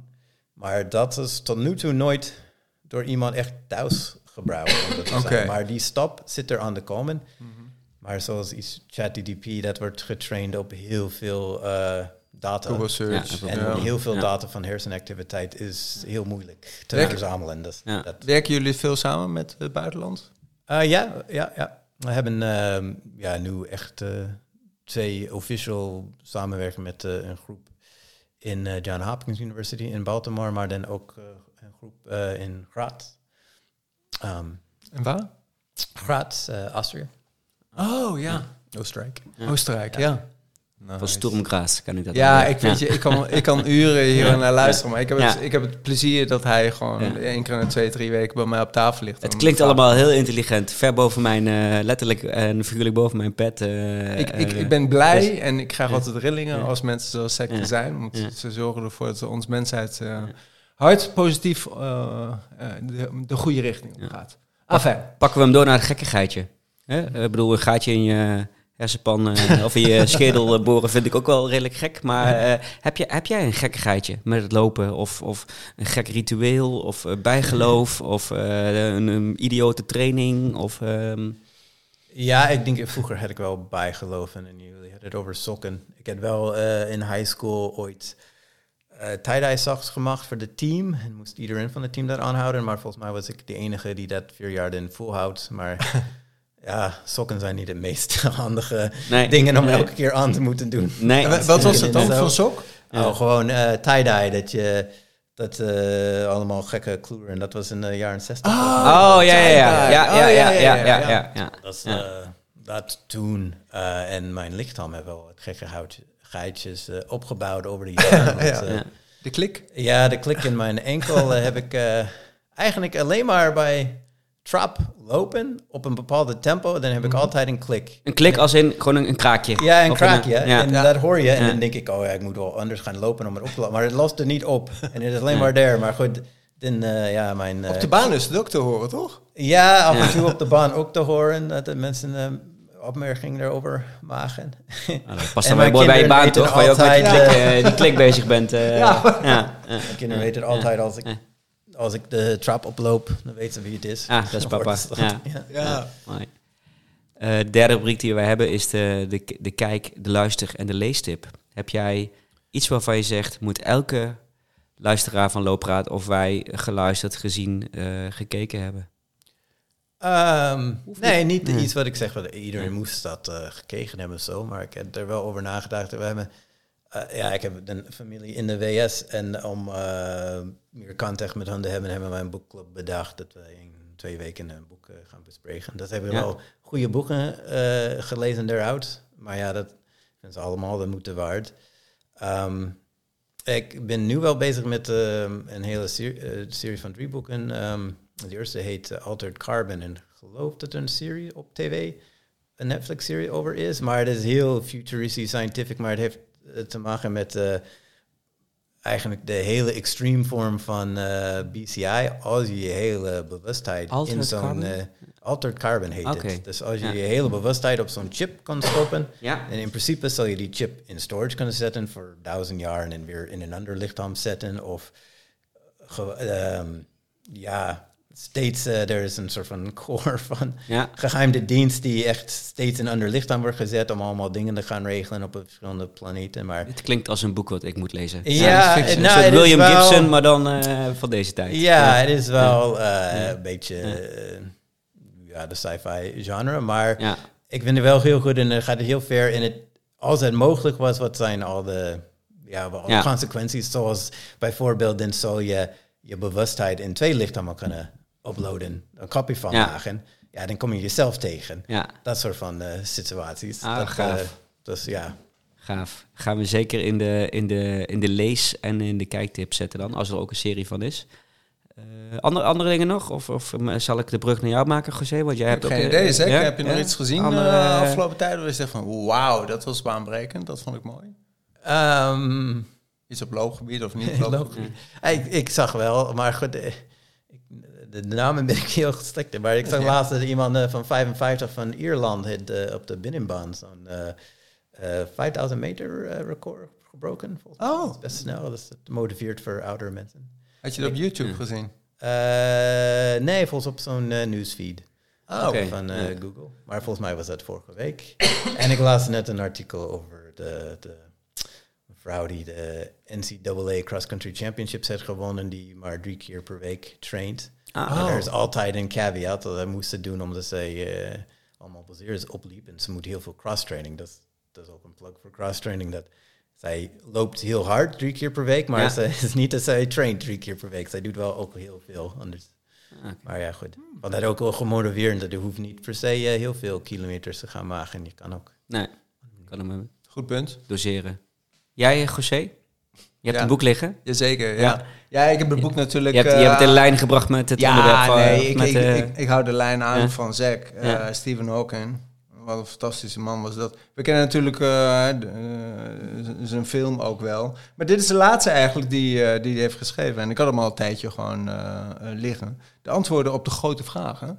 Mhm. En ik heb altijd een grote vraag. Is er leven in het andere universum? En hoe moet het eruit zien? En dan gaat hij nog verder. Dan zegt hij, ja, grote gaten. eh, bestaat er een god? ja? Nou ja. Eh, hoe het alles begonnen, maar ook eh, zijn tijdreis mogelijk. Als je denkt van, ik heb geen zin om al die boeken van hem te lezen. Dit boek, Nederlands eh, vertaald, 2018, toen ja. hij overleed, Ja. is dit boek ook nog uitgekomen. En Lucie, zijn, zijn dochter, heeft er ook min of meer aan eh, geholpen. Eh, die heeft dus eh, hele leuke... eh, maar ook, hij is filosofisch zo fantastisch. Hij geeft een heel fijne uitleg over, over dit soort vragen. Dus je, ik ben gelijk in space. Ik ben gewoon weg. Ik ga s'nachts gewoon dromen en ik ben gewoon heerlijk in, in zijn mind. En dat heeft hij heel mooi gedaan in het boek. Heb je niet Eh, dat je er dan juist niet van kunt slapen over dat soort grote vragen? Want hij, het antwoord bestaat natuurlijk niet op die grote vragen. Nee, ik, dat lig, klopt. ik lig dan juist wakker. Ja, nee, ja. eh, ja. Ik, ik blijf wel eens wakker natuurlijk Ja. van dit soort vragen. Maar als kind had ik dat al wel. eh, dat ik dan, dan snapte ik niet hoe die kleine mier in zijn wereld eigenlijk net zo was, zo, zo klein als dat wij zijn. Als ik dan keek naar de maan, omdat ik al vrij snel die boeken van mijn opa had gekregen. En was daarmee bezig hoe het universum dan in, in elkaar moest steken. Ehm, ja, ik kan er wel eh, lang van wakker liggen. Maar als ik dan 's ochtends wakker word en zeg tegen mijn vriendin... ja, ik was vandaag was ik in een partij eh, aan het spacen. Ik was op een andere planeet met dromen? Ja, Ja. ja, ja. Ja, Ja, daar kwam dromen. Dan had ik niks gegeten, nee. ja, dus... eh, en dit boek is vrij snel uit te lezen. eh, en eh, ja, is gewoon, is gewoon heel leuk. Stephen Hawking, de antwoorden op de grote vragen. Jij? Een kijktip. Op, eh, Een kijktip. vragen? Ja, eindelijk, weer, eindelijk weer eens een keertje. Oh, leuk. Ik, ik ben nog niet klaar met kijken, maar ik vind het nu al heel erg leuk. Op Mm. eh, Netflix. You Are What You Eat. Oh, ja, ja. En dan de Twin Experiment. Dus ze hebben een hele periode, of ja, eigenlijk niet zo heel erg lang, acht weken lang. Eh, identieke tweelingen Mhm. eh, laten ze twee verschillende diëten volgen. De een eh, volgt een ehm, eh, vegan dieet en de ander een, een gezond dieet, maar wel met vlees en vis en, en, en zuivel en dergelijke. Ja. Ehm, en dat is natuurlijk een, een heel mooi experiment, want ja, die mensen zijn hetzelfde, die hebben ook allemaal hetzelfde achtergrond, dezelfde genen, maar ook dezelfde achtergrond. Dus het is niet zo dat de ene tweeling op zijn vijfde eh, marathons is gaan lopen en de ander eh Ja. couch potato is geworden. Nee, het zijn echt twee eh, echt eh, vergelijkbare levens. Mhm. Eh, dus ik ben heel benieuwd waar het, eh, waar het gaat eindigen. Heb je, Eh, heb je hem uit al? Nee, nee, nee, ik heb hem nog niet uit. Nee, ik ben, eh, ik ben ongeveer halverwege. En eh, ze meten dus ook iedereen en eh, een stuk of vier. Eh, Oh ja. Het is een soort docu-serie. En eh, ze meten iedereen op allerlei verschillende manieren. De, de maag, de hersenactiviteit, ja, eigenlijk alles. Dus ik ben heel benieuwd waar het gaat eindigen. Maar het, is- bedoel, je hebt veel van dit soort series natuurlijk op Netflix en op alle andere platformen. Ja. Van You Are What You Eat en eh, de Hamburger Experiment en allemaal Oh dat ja, soort. ja, eh, ja. Maar ik vond dit eigenlijk wel een heel mooi inzicht. Oh, van oké, we gaan twee mensen die eigenlijk hetzelfde zijn volgen en kijken eh, wat de verschillen zijn. Ja, ik ben ook Dus, eh, erg benieuwd. Ja, ik heb hem ook staan. denk dat je ook wel twee, eh, twee, eh, een, een tweeling zou eh, eh, in jouw eh, praktijk zou willen. eh, stukken die heel dankbaar. eh, Ja, de wetenschap is wel vooruit gegaan door Ja. tweeling eh, Ja. studies natuurlijk. En er is, eh, er is wel zeker een eh, ja, is dat, ja, dat vind ik een eh, mooie uitspraak. De, weet, de wetenschap is vooruit gegaan dankzij tweelingstudies. Ja, Ja, als het gaat om ja, eh, ge- ja. de Ja. nature-nurture eh, kwesties en ja. zo, dat kan je heel erg, eh, Ja. heel, heel erg goed studeren. Ehm, ja, ik wil er gewoon ook toevoegen, er is zeker wel een verbinding tussen je maag en je hersenen, omdat Ja, de, zelfs de cells, neuronen, heb je eigenlijk ook in je maag. ja daar, daar gaat het ook een, ja. deel, een deel over in Ja. deze. Super interessant. Ja. Er Ja. is wel een, eh, Ja. een hele verbinding daar waar we niet heel goed begrijpen, omdat het is niet iets wat je bewust van bent. Microboom of zo, nee, microsoom of nee, ik weet niet precies zo. Eh eh, Microsoft? ja, ja, ja, gewoon, ja, eh, dat, ja, dat gaat, ja. eh, de, de, de flora, zeg maar, al Ja. de, de bacteriën en Ja. zo in je, in je maag, dat heeft ook wel invloed op je, op je hersenen door die verbindingen. en op je Maar stemming en zo ook, Ja. toch? Ja, maar die is wel heel ingewikkeld en Ja. moeilijk te studeren, omdat daar ben je niet eh, bewust van. Nee. Hoe dat, En de darmen ook, toch? Ja, ja, ja. Ja. ja, Ja. ja. ja. Ehm 1 uur en 15 minuten. Eh, dus 16 we, al. kru- 16, heel goed. Eh, we kruipen langzamerhand naar het einde. Eh, we, we hebben het over nou, nog, nog lang niet al jouw eh, geweldige races, eh, de cross trail, de bergen, et cetera, gehad. Ehm, maar we gaan even vooral even vooruitkijken. Ehm, want je hebt al heel veel mooie dingen gedaan. Maar staat er nog iets op jouw eh, wensenlijstje? Op korte termijn en, en eventueel North Star op een wat langere termijn? Eh, nou, daar moet ik over eh, nadenken in de langere termijn. Omdat het, op de korte termijn wens was dat het weer pijnvrij ging lopen Ja. op de baan en zo. Ja. En dus op de korte termijn heb ik nu me ingeschreven voor de CPC half marathon. Ja. Volgens mij is dat ook de NK half marathon om eh, echt eh, prikkel te geven door richting snelheid eh, te werken. Ja. En, en, en, en dan pijnvrij lopen is het, is het belangrijkste, maar doe je dan nog steeds wel mee ook met een soort van ambitie, al is het maar in de mastersklasse en dergelijke, om Ja, een klassement ja, te lopen? Of, eh, ja, ja, zeker. Ik heb ja? altijd eh, ambities, maar goed, Ja. je moet hem realistisch Ja. houden. En eh, ik denk dat ik eh, hiermee beginnen ben om een tijd weer trainen ontdekken wat eh, realistisch is. Ja, Realistisch. ja. En als je wat verder kijkt, een North Star? Eh, ja, ik, ja, ik heb eh, zoals volgens mij veel mensen op deze programma Ja. wil ik ook wel een echt een adventure doen.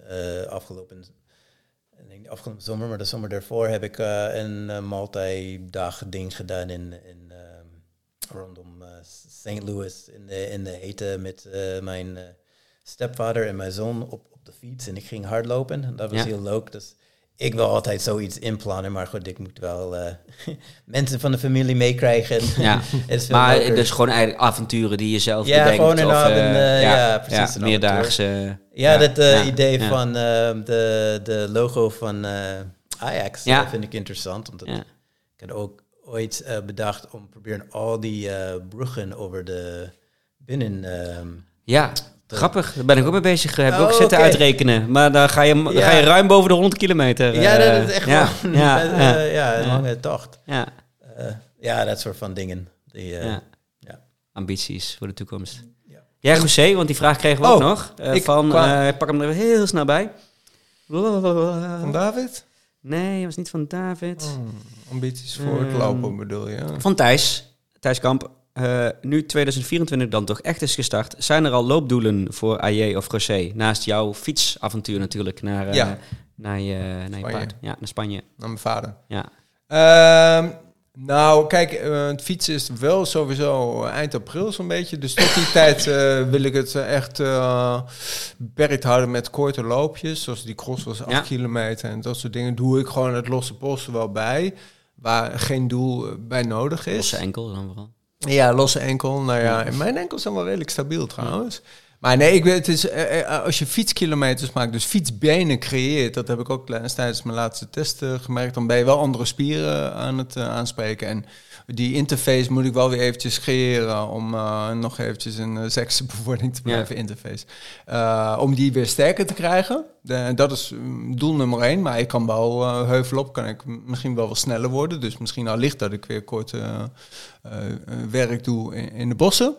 En na april, mei ga ik wel, wel weer een marathon of een ultra creëren. Maar ik heb drie maanden nodig om, om daar naartoe te werken. Dus dat komt wel goed, want de vorm is dan ook heel goed. Maar eerlijk is eerlijk, ik zit dan ook wel aan een gram Fondo te denken op de tweewieler. Uh, waarom niet? De fiets. Ja, ja, ja. ja, ja, ja, ja. En, want ik had ook al wel gezegd... Uh, als je 60 bent, moet je langzamerhand er ook wel aan fietsen hey, gaan hey, denken. Hey, 54, rustig aan jij. nou, en dan ga ik toch in de helm van Veen. Die man die staat te swingen met 78 jaar. Uh, dat zijn idolen voor mij. dus dan ben ik nog hè, piepjong. Ja, maar hij loopt geen 100 kilometer. nee, nou ja, en onze gast 45. Dus ja, nee, nee we hebben nog heel veel uh, te ja, doen. Dus ja. ik denk wel dat in het naseizoen dat ik wel... Kijk, ja, augustus, september is natuurlijk heel druk qua werk voor mij. Altijd met EK en, uh, en, en uh, Hoka. Um, Lowlands. Ja, Lowlands. Maar ik, ik denk wel dat, dat er wel een mooie ultra of marathon nog ergens te lopen is. Misschien wel in het buitenland. Ik heb geen idee. Dus focus jij? Helemaal nog niets en nee, dat voelt heerlijk. Ja. ja. Nou, nee, ik, uh, een gek carnavalsloopje. Ja, hey, uh, over vier weken, vier weken dan ben ik... Nou, ik wil zeggen, ben ik nu net klaar, maar dat is niet waar. Over vier weken, carnaval zaterdag, 11 minuten over 11, 11 kilometer lopen. Ja, heb nee. je je pakje klaar liggen? Uh, ja, ik heb zoveel pakjes klaar liggen. Ja. ja, nee, Ik dacht dat je altijd diezelfde met die blonde pruik en dat... dat... Karl Slagerveld, ja. dat is mijn hardloop-outfit meestal, ja. Maar oh, soms, ook, soms ook wel iets anders, om het nog wat moeilijker te maken. Ik heb ook wel eens met een elektrische gitaar... 11 oh. kilometer uitgelopen. Ja, dus, oh, uh, ja, dus, en niet zo'n opblaasbaar ding, maar... Nee, nee, nee echt een uh, Jägermeister gitaar. Ja, oh, toen was ik als rocker. Ja. Oh ja. ja. Oh, dus, dat, het kan veranderen dus. Ja, ja dus daar ga ik er even over nadenken. Ja. Nee, verder nog helemaal geen, geen gekke plannen. Hmm. Nee. Maar wel eigenlijk, eigenlijk ook een beetje zoals als Sex zegt. Ik vind, ik bedoel, het is ik vind het wel leuk om leuke dingen te gaan bedenken. Ja. En of dat ja. dan alle bruggen van Amsterdam of alle straten van Eiburg, die ik ook al eens gedaan ja, heb. Of uh, uh, maakt me niet zoveel uit wat. Of, of toch weer gewoon een keer een, uh, een meerdaagse ultra in de bergen. Maar dan niet met een evenement, maar gewoon met vrienden. Zoals wij destijds in uh, Chamonix gedaan hebben. Dat gaat gegarandeerd weer gebeuren. Ja, leuk. Ja. ja. Dus, ja. Zeg, heb jij nog een, een, een, een wens voor onze luisteraars? Een, een, een, een, wise een wise saying of iets wat je mee wilt geven ja. uh, voor, voor dit jaar. Het is toch een beetje de tijd van, van goede voornemens. En, ja, uh, precies. Nou, uh, een beetje aansluiten wat jullie zeiden, dat nu is een goede tijd om na te denken wat een mooie uitdaging kan zijn die past bij jouw hardloopdoelen. Iets, iets bedenken hoeft niet een wedstrijd te zijn dat je wil bereiken. En ja, het is altijd goed om een focus te hebben om naartoe te werken. Ja, toch? Toch wel. Vaak ja. maakt het niet zoveel uit wat die focus is als nee. je maar iets hebt. Wel even ja. niks hebben is ook lekker, ja. maar ja. dan op een gegeven moment gaat het toch wel weer kriebelen. Is het toch wel weer lekker ja, om... Precies. Uh, precies. En dan ga je er door out iets meer uh, gefocust met mm. Ja, wat makkelijker van de bank naar de voordeur. Dat is ook wel mijn uh, ervaring. Dat is de moeilijkste stap, toch? Ja, nog steeds. Ja, precies. Zoals ik zei, dat is een moeilijke stap. Maar als je die hebt gemaakt, dan meestal kom je thuis en denk je nooit van... Had ik hem niet als gemaakt. ik dat maar niet ja. uh, gedaan. Nee, ja. nee, helemaal eens. Super bedankt voor je, ja, voor je tijd, wel, Zek. We gaan, uh, we gaan en blijven je volgen. Uh, ik, uh, nu, nu, weet ik eindelijk wie die, die man is die als ik met het jaarlijkse Nesquio-loopje meedoe, die, die daar vijftig keer op het bord staat. en zal de Dimo Cross ook alweer staan? ja, alle, alle Mokum, hoe heet dat? Mokum, rondje Mokum? Mokum circuit. ja, ja, ja, daar sta je volgens mij overal wel ergens op een, op een ranglijst. Maar heel leuk om, uh, om te weten wie dat, uh, wie dat nu is. Dus uh, super bedankt. Ja. Um, José, jij ook bedankt. Ja, ik moet nog even mijn slotriedeltje doen. Hè? Zeker. heb je nu 1 uur 23 minuten. En oh, dat zou mooi zijn als die dan op 45 seconden staat. Dan is het 1, 2, 3, 4, 5 nu. geluisterd naar Looppraat. Dan durf ik wel te zeggen dat je fan bent van Looppraat. Waarvoor heel veel dank. Um, we vinden het ook heel fijn als je dat fanschap uh, op een of andere manier uh, laat blijken. Uh, bijvoorbeeld door vriend te worden van een show via vriendvandeshow.nl slash looppraat.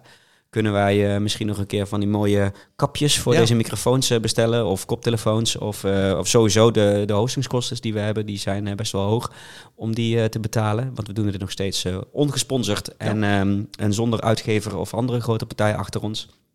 Ehm, we vinden het ook heel fijn als je een review geeft op Apple Podcast. Eh dan kun je ons eh, sterren geven of een, eh, of een leuk tekstje plaatsen. Spotify. En Spotify kun je ons sterren geven. Vinden le- leuk voor ons ego, maar vooral ook goed voor onze vindbaarheid. Want hoe beter en hoe meer ratings, hoe beter we gevonden worden. Ehm, volg ons op looppraat.nl en op Instagram. Op allerlei andere kanalen zijn we ook actief, maar wel veel minder. Ehm, dat was het denk ik, hè, zo'n beetje. Volgens mij heb je een hele mooie riddle gedaan. Ja, want de Ja. nieuwsbrief ben ik je- volgens mij zo'n beetje eh, mee gestopt. Ik ben hem de laatste twee keer volgens mij vergeten te versturen. Ja. Eh, dus ik denk dat mensen toch wel weten wanneer we online. eh, Als je, morgen, als je morgen trouwens loopt in Egmond, succes. Oh, morgen. Ja, ja, Ja, ja. Het 1,25 ligt eraan wanneer ik dit online ga zetten. ja. Of morgen dan ook morgen is en wanneer je dit luistert. Ja. Dus als je gisteren Egmond gelopen hebt, eh, ik hoop dat het leuk was, zou ook kunnen. Maar nee, ik ga proberen om dit vandaag, de dag Best voor Egmond, live te zetten. Nee, zeker. Egmond wordt pittig Oei. dit jaar. Ja. Volgens mij gaat het best wel waaien. Ehm, er is ook een parcourswijziging, begreep ik. Omdat er een stuk eh, duinen onder water staat. Mhm. Dat klopt, dat heb ik een paar weken geleden zelf gezien. Toen al. Ja. En daarna heeft het alleen maar meer geregend. Nee, dus eh, veel loopplezier. Eh, Ja, maandag is het, is het inderdaad eh, Blue Monday. En volgens mij is er ook een mooi loopinitiatief. Onder andere Klaas Boomsma nog Koen. iets mee, iets mee gaan doen. Ehm, maar ehm, ja, je moet Blijf lekker lopen. blijf lekker lopen en blijf luisteren. Ja. En dankjewel. Tot de volgende. Hoi. dankjewel. Ja, graag gedaan.